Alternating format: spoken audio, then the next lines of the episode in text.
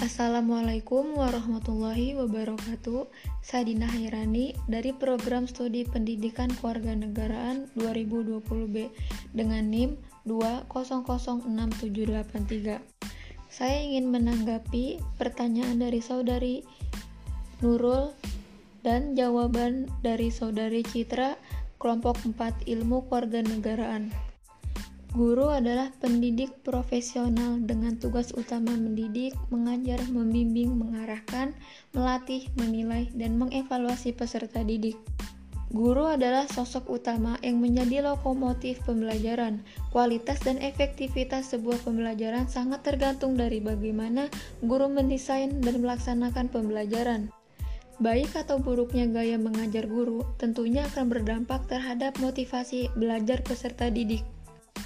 Kelas sebagai laboratorium demokrasi memiliki karakter di mana guru memberikan kesempatan kepada peserta didik untuk bertanya, menyampaikan pendapat, memiliki perspektif berbeda dengan temannya ataupun dengan guru.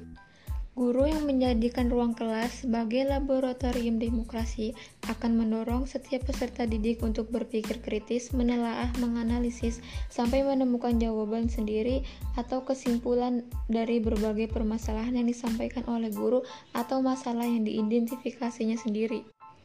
Kelas yang dibentuk menjadi laboratorium demokrasi akan berkontribusi dalam membentuk peserta didik menjadi warga negara yang baik, kritis, bertanggung jawab, memahami hak dan kewajibannya. Guru sangat disarankan untuk menerapkan model pembelajaran kooperatif karena melalui model tersebut para peserta didik dapat saling berinteraksi dan bekerja sama dengan teman-temannya dalam menyelesaikan masalah. Sesuai dengan amanat kurikulum 2013, model pembelajaran yang disarankan digunakan oleh guru yaitu pembelajaran berbasis proyek, pembelajaran berbasis masalah, penyelesaian masalah, dan menemukan. Metode yang bisa digunakan antara lain ceramah, tanya jawab, diskusi, bermain peran, debat, atau metode lain yang relevan.